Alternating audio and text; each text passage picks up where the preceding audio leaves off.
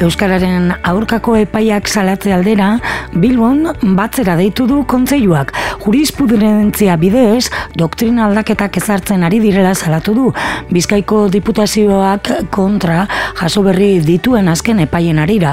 Eta elkartaratzea deitu du, elarekin eta labekin batera. Martxuaren zeian izango da, datorren astean, epaitegiaren aurrean albialorategietan. Aste beruan jakin da albistea, ez? Eta aste hon bai du Bizkaiko diputazioak berak hizkuntza eskakizunen aurkako bi sententziaren ondorioz kolokan daude erakundean egonkortzeko bidean ziren berreun dago eta zazpi lanpostu. Aldundiak desadostasuna adierazi du eta jakinarazi du epaiaren aurkako elegiteak jarriko dituela. Atzo Euskalgintzaren kontseiluak hartu zuen hitza Euskararen normalizazio eragosteko odarraldi judizialarekin lotu ditu bi sententzia horiek eta kritika egin du. Ebaspen horien arabera diskriminatzaileak direlako hizkuntza eskakizunak eta lako argudioekin euskararen aurka egitea delako asmoa.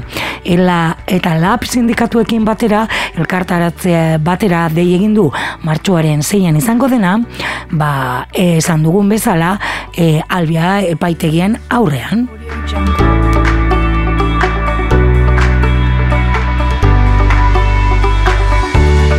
Pablo González kasetaria askatzeko eskatu dute dozenak alagunek gernikan. Bi urte bete dira frogarik gabe Polonian atzilotu eta preso sartu zutela.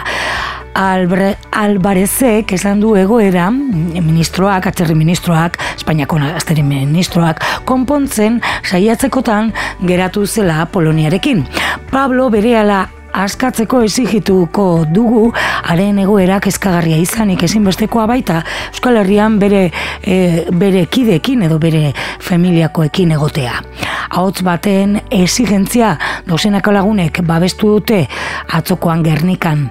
Pablo González, kasetaria atzilotu eta preso hartu zutenetik, bi urte bete dira atzokoan manifestazio jendetzu egin zuten gernikan askatu desatela eskatzeko.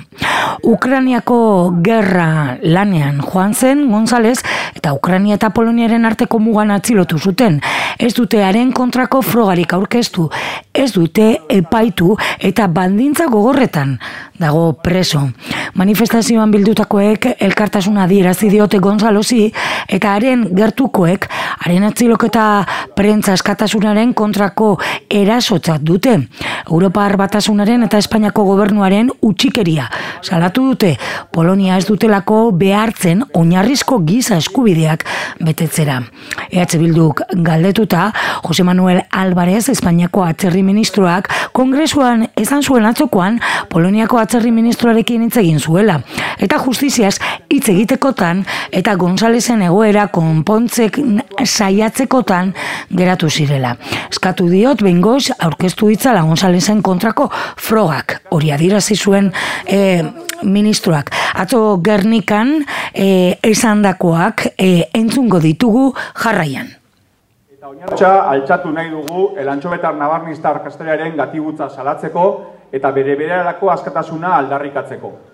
Ez da, kastari bakarra gatazka gunetan atxudatu eta espetxeratua izan dela. Gaur egun, amarnak kastari daude. Pablo Besala, hainbat erreiltan preso. Pablo hori, sortzi aldiz usatu diote espetxealdia denbora honetan guztian.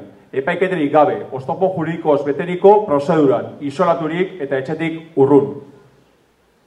Honen aurrean, zera adirazi nahi dugu. Paloren bere alako askatzea ezigitzen dugu.